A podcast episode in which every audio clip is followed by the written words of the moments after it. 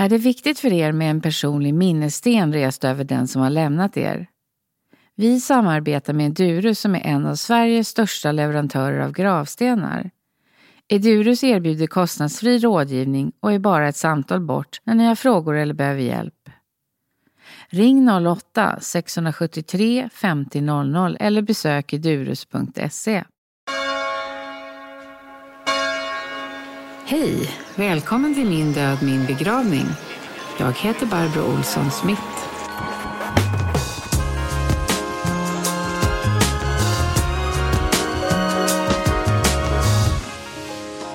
Anna Jinghede, välkommen! Tack! Du är ju rättstandläkare och kriminaltekniker och du är polis och ja, du har många saker igång. Berätta mer. Ja, det kan man väl säga. Nej, men jag tror att jag väl alltid liksom har inriktat mig yrkesmässigt på områden som har känts tilltalande. Det har verkat konstigt tror jag för många i min omgivning att jag liksom har bytt lite bana titt som tätt. Men jag tycker idag att jag faktiskt har fått ihop alla mina yrkesbanor eller val ändå. Jag jobbar som sagt som kriminaltekniker och som rättstandläkare och eh, forskar, jag är doktorand i, i våldsforskning. Och har ju på något sätt då fått ihop alla grenar. Sen skriver jag mycket, jag är författare och jag poddar en podd som heter Över min döda kropp som, som har blivit ganska stor. Så att, ja, allt det här sammantaget tar ju ganska mycket tid. Men jag, jag ändå gör det jag tycker känns roligt. Mm. Vad är den gemensamma nämnaren för alla de här sakerna som du nämner?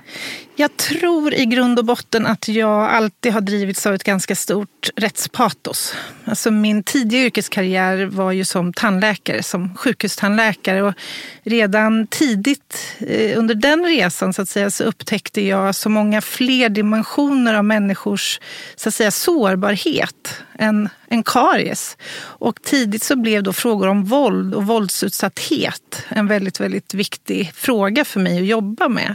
Så den har ju funnits med i över 20 år faktiskt och är ju fortfarande ett liksom, tema ja, idag för mig som, som kriminaltekniker och forskare. Så är det så att du hoppas på att kunna stävja våld genom de här olika sakerna du gör? Eller vad är det i men jag tror, våldet i sig? Ja, som... men jag tror att det finns en, en inbyggd kraft och tro om att man med kunskap kan göra någon slags skillnad för människor. Så det, det, tror jag är den, den, minsta gemensamma nämnaren för alla de grenar av mitt yrkesliv jag har varit verksam i egentligen. Hur är det då om du är ute på fältet och jobbar? Hur känns det? Jag tänkte, vi har ju temat här med död och begravning. Mm. När du träffar på ett brottsoffer, tänker du på att det är en person eller tänker du på att det här Absolut. är ett uppdrag?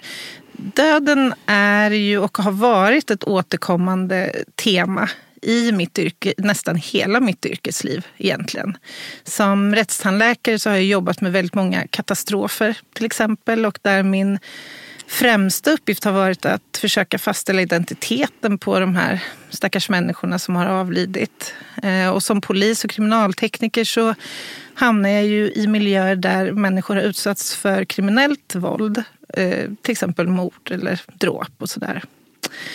Eh, och jag tror att en viktig aspekt för att orka jobba så nära döden, det är att man inte så att säga, förlorar sig själv till det. Så att, säga. att man inte blir luttrad och att man faktiskt respekterar de här människorna som det ju fortfarande är fast de är inte längre levande.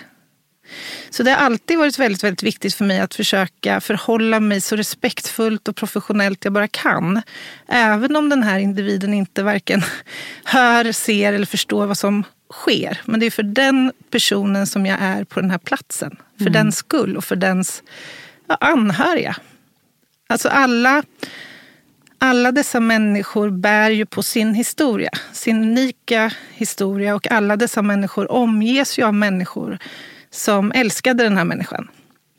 Och det är lika viktigt i, i döden som i, i livet. Mm. Men jag tänkte just undrade, hur mycket får du träffa de anhöriga? Hur mycket vet du om ett brottsoffer? Eller är det mer att man hamnar i en brottsscen? Ja, det är ju att man hamnar i en, i en brottsscen. Som, som kriminaltekniker är det väldigt, väldigt ovanligt faktiskt att man träffar anhöriga. Det kan hända. Mm. Eh, men det är ovanligt skulle jag säga. Och det är jag också ganska tacksam för. Därför att som tekniker har jag ju ett fokus på den här platsen. Det är ju att försöka hitta spår och fakta som kan förklara vad som har orsakat döden och vilka som eventuellt kan hållas misstänkta för den gärningen. Vad som har hänt före den här händelsen, vad som har hänt efter den här händelsen och försöka utifrån observationer och iakttagelser inhämta så mycket information så att jag sen kan förklara hela det här händelseförloppet. Mm. Medan när jag har jobbat med identifiering så är det lite en annan utgångspunkt. Då är det ju sällan en kriminalutredning. Eh, utan där handlar det ju om att fastställa identitet på de här människorna så att anhöriga kan få planera för en begravning till exempel. Och där kan det finnas situationer då jag har träffat eller behöver träffa anhöriga. Jag, jag, nämnde det att jag är glad att jag slipper göra det som, som polis därför att det blir fler dimensioner i det som kan vara jobbiga att hantera när du måste ha dina sinnen skärpta och kunna fokusera på din uppgift. Det är jättelätt att liksom ta över någon annans sorg ju, och smärta. Och när vi kommer till en plats så har ju det här oftast precis hänt. Och det händer att anhöriga kommer till platsen och Eh, såklart är förtvivlade och ångestfyllda och chockade och allt det här. Och lyckligtvis så, så slipper det oftast bli en uppgift för mig och, och mina kollegor så att säga. Mm. Jag tänkte när, om man kommer till en brottsplats. Jag tänker på om man möter en person, man ser en person på långt håll. Så man, man känner ju igen den personen. Det är inte i ansiktet utan det är ofta i någon slags mm. kroppsrörelse eller gång eller någonting. Jag vet inte om du har tänkt på det? Absolut. Hur man kan känna igen. Och då undrar jag, när man kommer till sån här brottsplats, vad, kan, kan det finnas saker som den här kroppen eller situationen säger som är mellan raderna? Ingenting som är ett värde som du skriver upp eller en iakttagelse, utan någon helhet? Absolut. Jag menar, vi kommer ju ofta hem till människor. Mm. Och det är ju inte bara kroppen som sådan som kan vittna om hur en människa har levt sitt liv, utan även observationer på en plats. Inte sällan så kan vi konstatera att det är människor som har levt sannolikt väldigt ensamt. Mm. Det är inte alldeles ovanligt att vi kallas ut till en plats där en avliden människa har anträffats en lång tid efter att döden har inträtt. Och det slår en ju då att sannolikt så har den här människan inte något rikt socialt liv eller nätverk. För då hade ju den här människan varit saknad. Utan ofta är det ju då fråga om att man har känt lukt i trapphus eller att någon mer perifer, kanske vänskap eller kollega eller så, eh, har börjat ana oråd. Mm. Om man går in i den här miljön då och anträffar personen avliden. Så visst kan man utläsa ganska mycket av de miljöer vi är i. Så, så är det definitivt. Mm. Det skulle jag säga. Hur gör du då? Man, säger, man brukar prata om tar du med dig jobbet hem det kan jag göra fast jag inte jobbar med sådana mm. utsatta saker som du gör. Men har du hittat ett sätt att liksom kunna stänga av? Eller? Jag tror i mitt yrke att det är ofrånkomligt att man tar med sig yrket hem. Däremot får man inte låta yrket ta över ens privata sfär och privata liv. Och det utvecklar man ju olika tekniker för att hantera skulle jag säga. I mitt fall så är min familj otroligt viktig för i avledande liksom syfte på något sätt och att få en balans till det här eh, djupt svåra och tragiska som jag kan ha exponerats för under dagen eller natten. Mm träning en viktig del och att försöka hålla sig engagerad med annat som inte bara berör det här temat. Men jag skulle ljuga om jag sa att jag inte tog med mig jobbet hem. Verkligen. Sen tror jag att för min del så tror jag till exempel att uniformen är en viktig mm, skyddsbarriär på något sätt. Alltså när jag hänger på mig uniformen på morgonen eller natten eller när det nu än må vara så skickar ju en signal att nu ska du kliva in i ditt mest professionella mode. Och när jag till slut får hänga av med den där och ta duschen, åka hem och hoppa i mysbrallan så att säga. Då är det signalen att nu jobbar du inte. Mm. Nu kan du tillåta dig att släppa fram dina innersta känslor och faktiskt eh, processa och bearbeta det du har varit med om. Mm. Så längtar du efter att gå hem och titta på en tv-deckare då? eh, nja, alltså jag, överhuvudtaget tittar jag väldigt lite på på tv skulle jag säga. Men det spelar egentligen ingen roll vad jag tittar på i det skedet. Nej. Det handlar ju om att liksom på något sätt avleda tankebanorna lite mm. grann. Att få ett annat fokus. Jag skriver ju väldigt mycket och det har mm. alltid varit en, en ventil mm. för mig. skulle jag säga. Sen, men jag har jobbat med några av Sveriges absolut svåraste katastrofer. Den senaste jag jobbade med av lite större karaktär den den utspelades ju, eller ägde rum här i, i Örebro, i min hemstad. Mm. Och det visade sig att det var flera drabbade här som jag faktiskt känner eller känner till.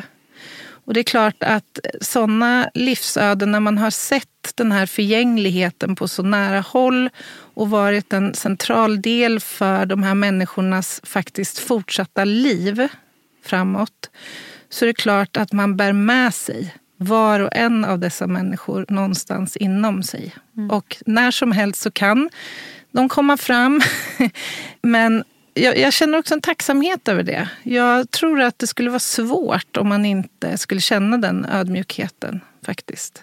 Och svårt att inte bli berörd också. Alltså, det går ju inte att stänga in en viss sorg. Nej, men det gör inte det. Nej. Det gör inte det. Och jag tror att det är väl det största hotet för många som jobbar nära döden. Det är väl det att jobba med, att man måste jobba med sina inre processer för att liksom inte bli så sekundärpåverkad så att du övertar alla andras sorg. Så att säga. Mm. Du måste hitta en balans i det där. Men får ni skapa en sån träning mycket själva eller är det någonting som ingår i arbetet? Som... Nej, jag skulle säga att det är någonting som man förväntas själv att mm. jobba med. Och eh, jag tror inte att alla alla klarar inte det. Alla blir inte gamla i, liksom, i branschen. Jag har en kriminalteknikerkollega i ett annat polisdistrikt. Han, han sa till mig för ett år sedan ungefär, han skulle lämna sitt yrke då, och sa att jag, jag klarar inte av att se en enda kniv i en bröstkorg till eller ett mördat barn eller en, någonting annat hemskt. Jag vet inte vad som kommer att hända med mig då. Mm. Och det är väl ett otroligt bevis på professionalism. Att faktiskt vara öppen för att det här kan ta på mig på ett sätt som kan påverka mig på ett negativt sätt. Mm. Och, och då välja att göra någonting annat. Sen tror jag att livserfarenhet är jätteviktigt. Jag minns mitt allra första identifieringsuppdrag. Det var efter tsunamikatastrofen i Thailand. Det var mitt första skarpa Eh, identifieringsuppdrag och dessutom i ett annat land på andra sidan jordklotet. Jag var ung både på, på liv och yrkesliv, så att säga. Mm. Och jag tror att hade jag eh, hamnat i den situationen idag så hade jag hanterat det på ett helt annat sätt. För att idag har jag erfarenhet och jag vet hur jag fungerar i den här typen av situationer.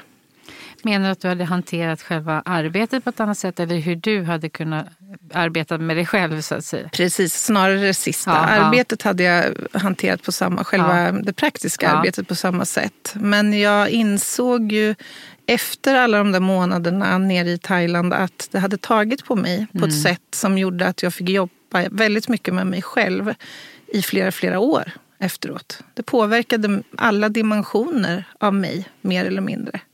Och jag tror inte det kanske hade behövt göra det idag, menar mm. jag. Med den erfarenhet mm. som jag har idag och förhållningssätt till både döden och livet egentligen. Men blir det lättare att förhålla sig till döden med erfarenhet, tycker du? Ja, men det tror jag. För det första så bara det själva praktiska omhändertagandet. Om man kan luta sig mot erfarenhet och kunskap i en sån situation så är ju det kraftigt stressreducerande. Jag kan liksom fokusera på min uppgift mycket, mycket lättare än att fokusera på den här människans sista sekunder i livet eller livsbeskrivning, ja, så att säga. Jag tror det. Är det många som tyr sig till dig utanför din yrkessfär för att du har den här erfarenheten när det, när det händer någonting jobbigt? Jag tror att jag är som person betraktat en ganska omhändertagande person. Eh, min man brukar säga det är roligt med dig Anna, säger han.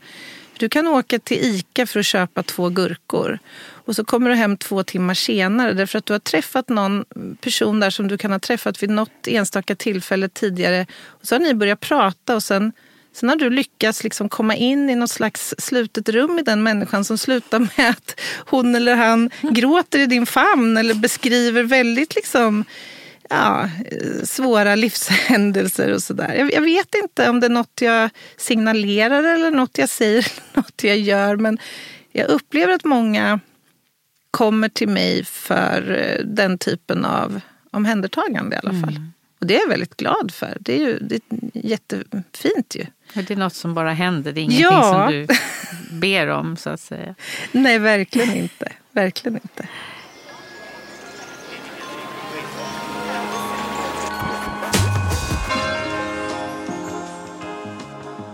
Har ni mycket stöd av varandra? Ni är inte så, alltså jag tänker det här ehm, med att vara rättstandläkare. Mm. Det är inte så många som har den, det, det yrket. Kan ni hjälpa varandra? Mm. Ja, vi är ju bara några stycken i, i landet som ja. liksom eh, hjälper till vid den här typen av eh, händelser. Så att det, där, det skulle jag väl säga är en, en nackdel. Att vi, vi är dessutom ganska oorganiserade eftersom ja, katastrofer sker lyckligtvis inte så, så ofta. Så att vi kallas ju in när det behövs. så att säga. Så vi mm. ses ju liksom inte i vardagen. Nej. Däremot så har jag ju ett enormt stöd från mina poliskollegor. Mm. Det skulle jag säga. Mm. Det är ju som en enda stor familj. Och vi jobbar ju sida vid sida vid katastrofer också. Så mm. att jag skulle nog säga att man är duktig på att ta hand om varandra. Och det är väl den främsta formen skulle jag säga av, av avlastning faktiskt. Mm. Det som sker efter en insats och innan man går hem. Och kanske ibland även efter man har kommit hem via sms och samtal och mm. sådär. Om man pratar om polisen som organisation så är det en ganska hierarkiskt organiserad mm. Eh, struktur. Ju. Men jag skulle säga att våran division, alltså forensiken, vi kallas ju oftast in då i ett läge när, som jag nämnde inledningsvis, tror jag, när en kropp då anträffats till exempel. Mm. Och då har ju vi det fulla ansvaret för den delen av insatsen. Platsen och kroppen är liksom vår primära uppgift. Och jag skulle vilja säga att vi, vi får i regel jobba väldigt fritt, väldigt ostört och lägga upp arbetet på det sätt som är mest lämpligt. Mm. Utan så att säga konkurrens eller inspel från, från omvärlden. Så jag tror inte vi, vi störs inte jättemycket av det här som kan ske på en organisatorisk nivå. Det vill säga svårigheten och ibland utmaningen att få ihop alla utredningsdelar. Utan där och då, när vi är på platsen, då mm. har vi en väldigt tydlig eh, uppgift som vi måste genomföra. Mm. Tillbaka till tsunamin. Eh, vi pratade om att det är det här med olika kulturer. Mm. Där var det ju helt plötsligt som en svensk aktion i ett annat land som är så annorlunda. Mm. Vad var det du såg? Men I den här fruktansvärda katastrofen så dog drygt en kvarts miljon människor mm. eh, som representerade olika delar av världen. Varav Sverige, vi förlorade 543 medborgare den dagen. Och det innebär ju när man jobbar i en sån här miljö i ett internationellt sammanhang så får man ju också insikter om hur andra delar av världen, hur andra kulturer förhåller sig till, till döden helt mm. enkelt. Och det stod ganska klart för mig där och då att västerlänningar och ja, svenskar, eh, vi, för oss är det väldigt, väldigt viktigt att få det här pappret, att få att få det svart på vitt att min syster eller bror eller mamma eller pappa är eh, förlorad till den här katastrofen. Hon eller han är död, helt enkelt. Man behöver få sin gravsten att eh, gå till. Få svar. Ett avslut. Ett avslut, ja. Precis. Medan jag kunde konstatera att för många thailändare till exempel så, och det handlar väl naturligtvis om tron på olika saker och religiösa aspekter och livsåskådningar och annat så var det inte alltid särskilt viktigt egentligen att ens kanske alltid hämta ut kroppen efter sin mamma eller pappa eller syster eller bror. För att man levde i förvissningen om att han eller hon var på ett bättre ställe eller var död. Man behövde liksom inte komma närmare eh, avsluten än så, så att mm. säga. Det kan naturligtvis finnas massor med aspekter kopplade eller faktorer kopplade till det där också som till exempel ekonomiska förutsättningar och annat. Men jag upplevde ändå att det finns stora skillnader kring hur vi förhåller oss till döden. Vilket ju kanske inte heller är så konstigt egentligen. Nej, vad skulle det, ja, varför skulle vi vara så olika då? Nej, men jag tänker till exempel i delar av världen där man kanske har levt nära döden. I krigssituation, i, där naturkatastrofer är återkommande fenomen. Att man liksom utvecklar sina förhållningssätt och där man dessutom då har eh, en annan religiös tro till exempel. Eller mm. kulturella föreställningar om saker och ting. Så det är klart att vi kan, att, att det kan förklara att vi förhåller oss väldigt olika. Ja, för vi pratar ju om att vi har ju lejt bort allt arbete kring begravning och omhändertagande mm. här i Sverige. Eller så. Jämfört för många, några hundra år sedan så kanske man bodde tillsammans och då tog man ju hand om det i familjen. Exakt. Och då kan ju hända att i de här länderna så bor man fortfarande i större familjer och mm. närmare också. Ja, och, och framförallt kanske man pratar mm. om döden. Ja på ett annat sätt än vad vi gör ja. i vår del av världen. Jag, jag, tror att det är döden som företeelse är en otroligt laddad sak för, för väldigt, väldigt många. Märker du om det är döden i sig som är laddad i ditt jobb, vad andra upplever, eller är det att det är brott? Ja, alltså jag tror så här att när det är brott som, som har orsakat... Alltså så här, man vill ju alltid få förklaring till varför saker och ting händer. Mm. Och eh, det är väl på gott och ont, höll jag på att säga, det här att alltså man vill ha en, en syndabock gärna eller någonting att lägga, att projicera sin sin smärta och sorg kring. Och när någon har mördats så är det lätt att hitta den faktorn eller personen. Mm. Det är ju den som har ansvar för att ha bragt en person om, om livet. Eh, Medan vid en katastrof eller en olycka så är ju det svårare. så att säga. Mm. Det är någonting som ingen hade kunnat förutse. Det finns ingen att riktigt liksom projicera sin smärta och sorg till. Vilket i det långa loppet kanske också är en fördel egentligen i en sorgeprocess. Att man kanske samtidigt kan lättare försonas med tanken att det här kunde inte Alltså, det fanns ingen annan utgång. Det fanns ingen som kunde ha förändrat det här eller påverkat mm. det eller förhindrat det. Jag tror att det är svårare att leva med tanken att någon annan människa har velat ta livet av min son, dotter, mm. mamma eller pappa. Och ännu värre inte veta vem det är? Eller? Ja, definitivt. Alltså det är få saker jag kan tänka mig skulle vara så svåra att hantera under ett liv än den tanken. Att inte mm. veta vad som hände mm. en anhörig som utsatts för brott. Mm. Verkligen.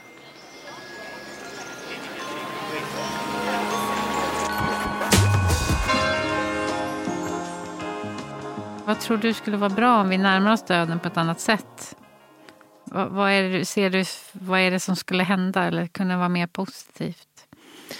Men jag tror så här att för, för det första så är det ju någonting, det, alltså det är ju den enda eh, sak vi alla har gemensamt mm. ju. Det är ju att vi alla ska dö. Mm. Och det andra vi har gemensamt är att ingen av oss vet när vi ska dö. Men jag tror att om vi vågar närma oss de här frågorna så tror jag att rädslan som jag tror många har inför döden skulle minska. Kanske så skulle man underlätta för sina anhöriga den dagen man dör. För att då skulle man ha en förståelse för hur man har, skulle ha velat ha det, till exempel. Mm. Och kanske kommer resan vidare inte heller behöva bli så enormt svår och jobbig. Om man har lyckats överkomma sina egna stora liksom, emotionella begränsningar kring det. Alltså mm. sina rädslor för det. Jag undrar om man skulle liksom njuta mer av livet också. Kanske. Tror... Eller våga njuta ja, av livet. Tillåta sig kanske. Ja. Jag tror att väldigt många lever med överlevnadsskuld. Jag tror att väldigt många har svårt att känna lycka i livet efter att en nära anhörig har gått bort. till exempel. Att man mm. inte liksom vågar tillåta sig det eller att det, det, känns som att man gör någonting fel eller olämpligt. Om man, man tillåter sig att känna glädje och lycka för snabbt efter att någon har gått bort. Mm.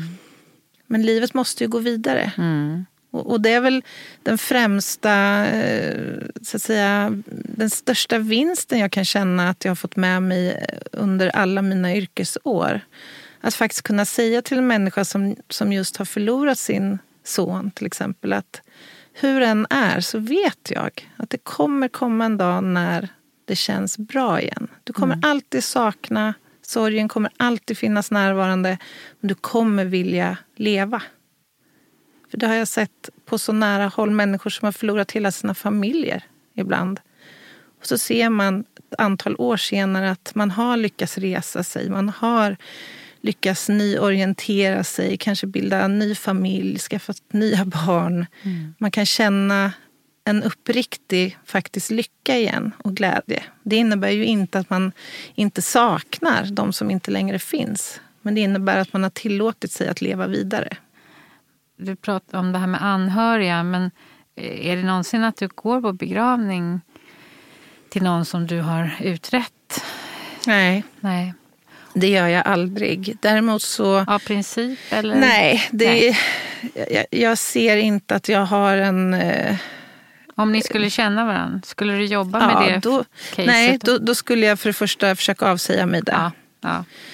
Eh, för det skulle komma för nära. Och det skulle riskera att jag kanske inte skulle göra ett bra jobb okay. helt enkelt. Mm. Eh, däremot så har jag varit på ganska många minnesstunder. Eh, i Thailand återigen, då hade vi varje vecka en minnesceremoni vid flygplatsen för de medborgare som vi den veckan hade lyckats identifiera och som vi skulle få äntligen skicka hem i sina kistor till Sverige.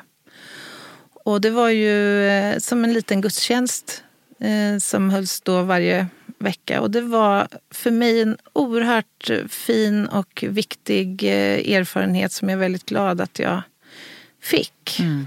Därför att det, det tillät inte bara mig utan många andra som hade varit delaktiga i det här att få så att säga, gråta en stund, känna tacksamhet, eh, se tillfredsställelse i anhöriga att äntligen få hem sin anhörig då för att kunna begrava. Mm. Och så det blir ett väldigt, väldigt fint eh, avslut för, för min del och, och också ett avstamp att orka liksom jobba vidare nästa vecka. Och där kan man ju se hur, hur viktigt en ceremoni i det här mm. fallet är. Verkligen. Att vi talar om att nu har det gått den här tiden, mm. nu har vi åstadkommit det här, nu ska vi liksom celebrera mm. det eller vad man nu kallar det. Mm. Och sen så är det en ny vecka. Och det där tror jag är väldigt viktigt. Mm. Och, eh, att vi ibland underskattar just sådana ceremonier. Verkligen. Och de behöver inte alltid vara religiösa för att vara en Nej. ceremoni. Och det spelar ingen roll i vilken skepnad de kommer. Nej. Därför att det är ju en, en stund för kontemplation, mm. för eftertanke, för liksom känslomässigt utspel på något sätt. Att få liksom ja, tumma ur det här som man bär på inom ja. sig. Och sam vara samlade. Det tror jag är väldigt, väldigt viktigt. För om man tänker, vi gör ju inte det så många gånger under året annars. För Nej. på julafton har vi, då stressar vi. När ja. vi bara tänker, eller på eh, Lucia mm. eller på eh, när man träffas. Alltså det är ju inte, det är inte designat på det sättet Nej. att man ska tillsammans vara tysta eller någonting. Precis. Så Nej. det är lite intressant att vi har inte riktigt dem. Vi har ju många högtider men mm. inte de ceremonierna. Riktigt. Nej. Och det är väl just i begravningssammanhang som vi har det då? Ja, det är väl det närmaste man kan komma ja. egentligen. Det skulle jag säga. Vi hade ju en minnesstund även här i Örebro efter flyghaveriet. Det var det även en uppe i Umeå, men då hade jag inte möjlighet att närvara. Men jag tyckte också det kändes väldigt, väldigt fint att få dels att få möjlighet att närvara mm. vid en sån stund. Eh, och på något sätt eh, visa de här människorna sin djupaste respekt. Och eh, få på något sätt ett, ett avslut för en mm. själv också. Mm. Det är fint. Men det måste ju vara underbart att gå in i poddmode för dig då när du jobbar med sådana här saker. Alltså en helt annan stämning. Ja, men det blir ju en, det blir en kontrast. Ja. Så är det ju. Alltså, även om man som sagt är nära döden ofta yrkesmässigt så kan man ju inte gå runt och hela tiden tänka på den. Det skulle bli oerhört deppigt tror jag. Ja. Inte bara för mig själv utan för min familj. Sen har jag en fascination en, över och för döden. Jag tycker att det är en intressant eh, företeelse som, som sådan. Både ur medicinskt perspektiv och forensiskt perspektiv och en massa andra perspektiv. Men man behöver ju kontrasterna. Ja. Och podden är ju en frizon, visst är det så. Jag menar, ni verkar ha så roligt. Ni pratar om ganska seriösa ämnen och det finns mycket fakta. Men det är ju så enormt eh, roligt så att säga. Jag är lite nyfiken. Är det, var det något som var planerat eller blev det bara så? Och vad är det folk går igång på? Ja, men jag tror så här, Lena Ljungdahl då som, som jag driver podden tillsammans med, vi lärde känna varandra under en tv-produktion som heter Tjuv och polis. Och vi insåg på kvällstid efter vi hade spelat in att vi hade ganska härliga samtal. Sådär.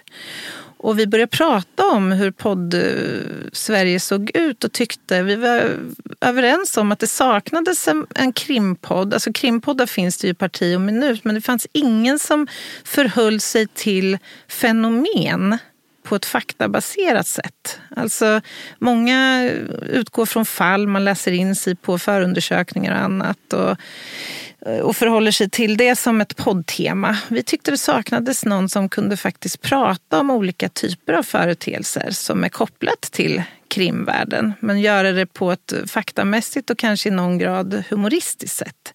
Man kan ju prata om även väldigt svåra ämnen faktiskt om man tar ner laddningen lite grann i dem. Och det, det har varit en viktig så att säga, ledstjärna för oss. Och jag tror att det är, mycket, det är det tror jag som många uppskattar.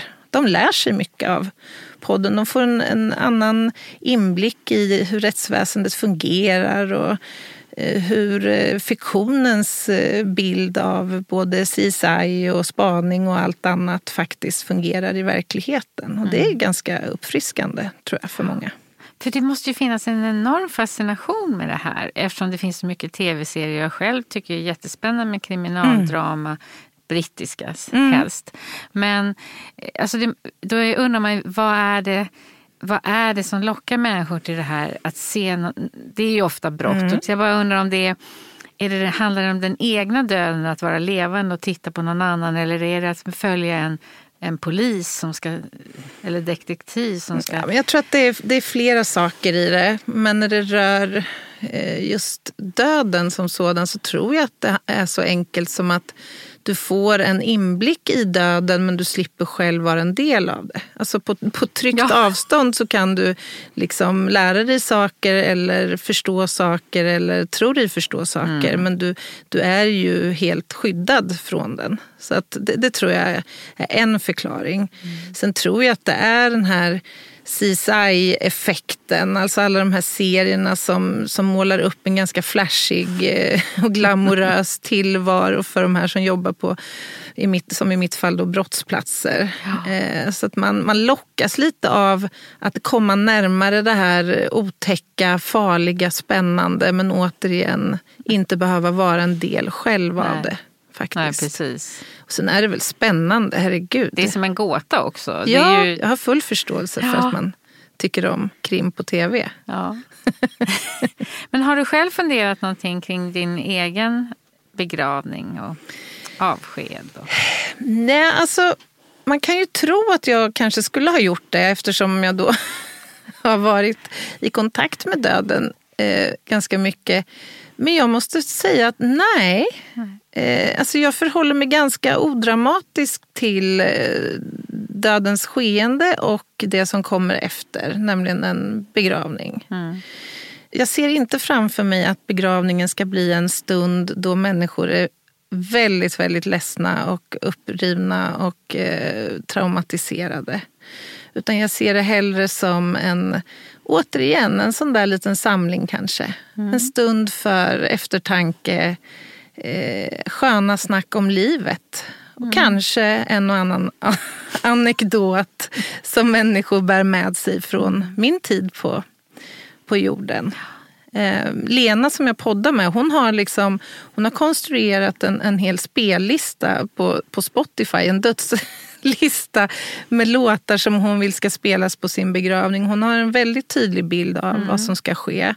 Eh, men jag har inte det. Alltså, jag tycker också att det är faktiskt, mina anhöriga får faktiskt också känna vad, vad, passar er bäst? Jag vill inte att det ska stå någon gravsten som ska ge dåligt samvete för att den inte har vårdats eller tagits hand om eller bytts blommor mm. på eller sådär. Utan den delen är helt eh, liksom, irrelevant för mig egentligen. Jag har inga preferenser där. Egentligen. Men där kan man ju hjälpa sina anhöriga genom att säga just det. Ja. Ni behöver inte eh, Precis, ordna men, gravsten. Men... Och, och, det är ju samtal vi har haft. Mm. Alltså, vi har ju en son som är tio år som av någon anledning faktiskt är ganska intresserad av det jag jobbar med och döden.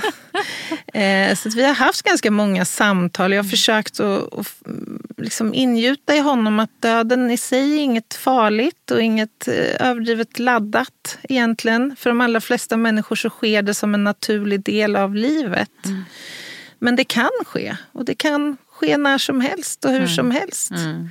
Och det är jag ganska tacksam för. Att, att vi kan prata ganska ja, öppet mm. och oladdat odramatiskt om det. Det är jättebra. Sen har jag ju varit med om en av mina absolut närmsta vänner eh, omkom tragiskt i en trafikolycka för ja, 12-13 år sedan nu. Och då hamnade jag i en situation där jag tillsammans med hans sambo skulle planera för hans begravning. Ja. Och då insåg jag ju vad det kan innebära för anhöriga om man inte alls har pratat om det. Mm. Att, att välja en kista, ja. Vad kan Klas ha velat ha för kista? Alltså det är frågor som, som man aldrig tror att man ska ställas inför. Ju. Som man har puttat framför sig? Som man har puttat framför mm. sig. Så att jag tycker nog ändå att det är väl ändå ett gott råd att prata om det. Mm. Hur, hur vill jag ha det? Och spelar det ingen roll så säg, säg det då. Och jag tror inte alla vet vad de vill så det kan ju hända bara att man måste formulera Exakt. sig så börjar man förstå att oj jag vet inte och så kanske man måste tänka till lite mer. Alltså det, det finns säkert flera lager. Där. Och sen kanske det ändrar sig genom livet också. Så kan det absolut vara. Ja. Jag har en låt som jag vill ska spelas i alla fall mm. och det är Circle of Life. Jag kan inte se Lejonkungen utan att börja gråta för jag tycker den är så fantastisk. Så den, ska få, den kan gärna få spelas på ja. min begravning. Mm. Men i övrigt, nej. Se det som en fin stund. Och det är väl också en bra idé. Man kan ju närma sig det med en, en låt till exempel.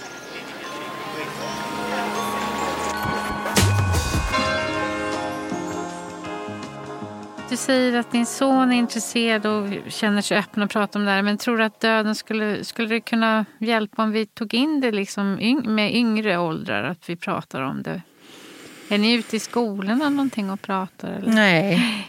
Nej. Nej, verkligen inte. Nej, jag vet inte. Alltså, jag, tror, jag tror att man ska hantera döden som många andra svåra frågor. Mm. Alltså att vi måste överhuvudtaget bara prata. Ja. Även, så, livet är så mycket mer än bara glädjeämnen. Vi hamnar ju även i kriser och depressioner och det kan hända oförväntade saker mm. varav döden är en. Ja. Jag menar, vi, vi tränar brandutrymning på skolor och vi pratar om riskerna med brand hemma och ja. allt det här. Men döden förtjänar också att pratas ja. om faktiskt. Och, och tänk vad, vad, vi skulle lättare, många av oss, kunna leva livet om laddningen till det som väntar längre fram, eller imorgon, det vet vi inte, mm. skulle bli mindre. Ja, men jag håller, håller, verkligen med. För jag tror att det gäller att leva medan man lever. Ja, verkligen. Att, eh, Bara för att man inte pratar om det menar jag så innebär ju inte att det inte finns. Nej. Nej, men jag tror också att livet är ju en del av döden är en del av livet och tvärtom. Mm. Jag menar, det finns där hela tiden. Mm. Så det är väl, jag tycker bara att vi blir bombarderade med information i radio och tv om, om död ganska mycket. Mm. Om avlidna i krig eller olyckor i hela världen och så vidare. Jag vet inte vad vi ska göra med den informationen. Jag, jag tycker den är ganska eh, onyanserad. Jag tycker det finns mer intressanta saker vi kan lära oss än att hela tiden höra virus ja, nu är det ju virus och vaccinationskurvor mm. och hur många som har dött i en bussolycka i Indien och i... Nej, men jag håller med. Alltså vad gör det med mm. våra hjärnor? Precis. Nej, men det är jag alldeles övertygad påverkar oss i negativ mm. riktning. Eh, alltså att den input vi uteslutande får är av liksom tragisk karaktär på ett eller annat sätt.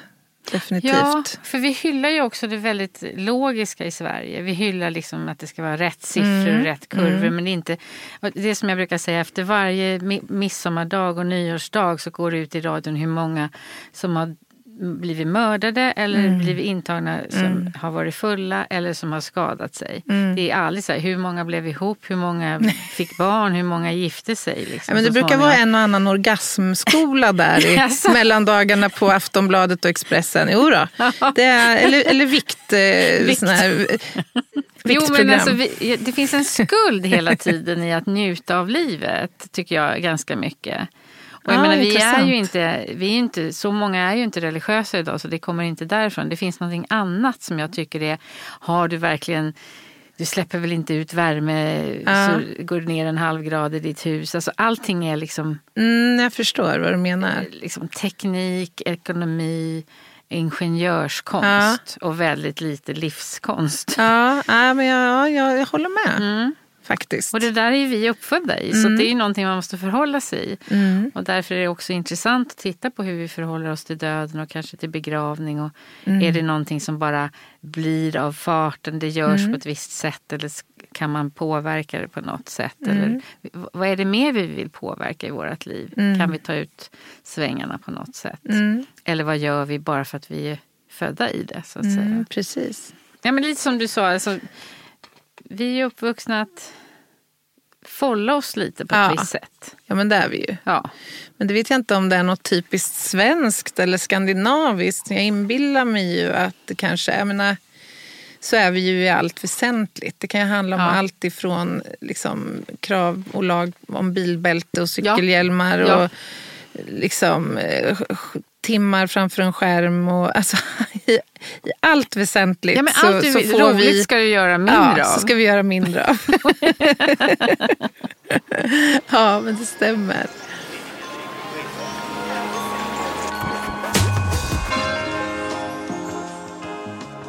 Tillbaka lite till brottsplatsen. Jag tänker så här, är det fall som du kommer ihåg mer än andra?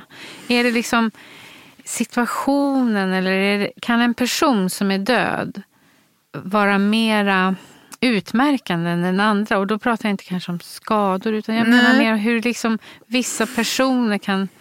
Det är klart att vissa fall eh, fastnar mm. på ens eh, näthinna. Jag har ju till exempel ägnat mig åt att eh, analysera och djupundersöka samtliga fall av dödligt våld mot barn under 20 års tid.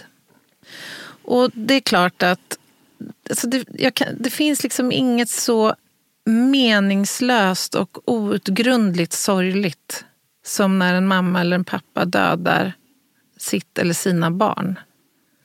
Eh, det, det, är klart att alla de, alla de nästan hundra barn som jag har bekantat mig med under flera års tid finns i mitt hjärta. Vart och ett av dem. Jag kan, jag kan dem vid namn. Jag kan beskriva nästan hela deras ibland väldigt korta liv, men ändå.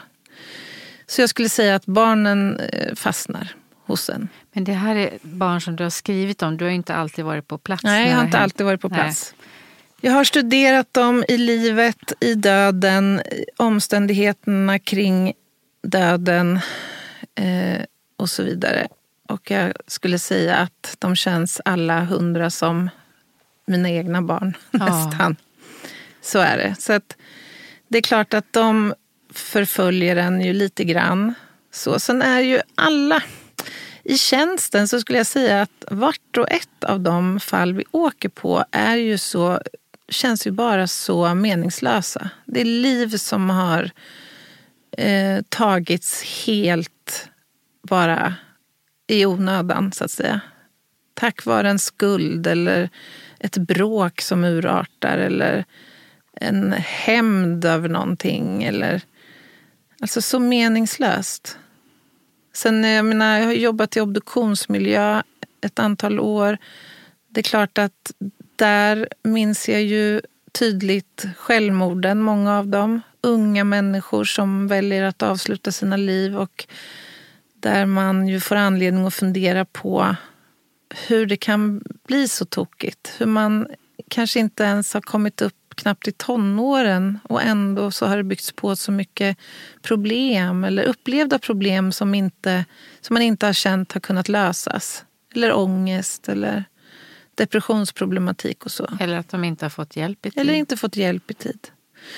Så det är klart, det finns väl någon slags grader i eländet på något sätt ibland. Mm. Att, att vissa ja, etsar sig fast lite mer kanske. Men den här, uh, uh, vad säger man, forskningen du gör. Mm. Vad, vad är det för tidsspann på det? Vad är det vad som ska hända med det? så att säga? Syftet med ja. min forskning det är ju att eh, vi ska bli bättre på att hantera de här fallen och i förlängningen kanske helst också kunna förebygga dem. Ja, se till att det inte händer. Ja, mm. försöka få dem att minska. Mm. Eh, nu har barndödligheten genom mord minskat i Sverige väldigt mycket sedan 90-talet egentligen. Hur många är det per år? Eh, idag pratar vi om kanske fyra, fem fall varje år mm. kontra då tio ungefär ja. eh, på 90-talet. Så det är ju en jätte, jättebra utveckling såklart. Men vi kan inte vara säkra på att för det första alla fall kommer till våran kännedom. Därför att den mest utsatta gruppen är spädbarnen. Eh, att man alltså dödas helt enkelt ibland sin första dag i livet. Och där tror vi att det kan vara så att det finns fall som vi kanske till och med kan missa. För många av de här som är förövare i, i den åldersgruppen, det är mödrar.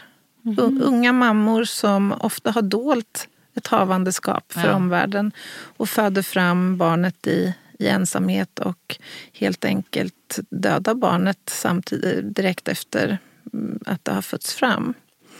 Eh, och eh, ett litet spädbarn är lätt att hantera och gömma och gräva ner och slänga i en sjö till exempel. Mm.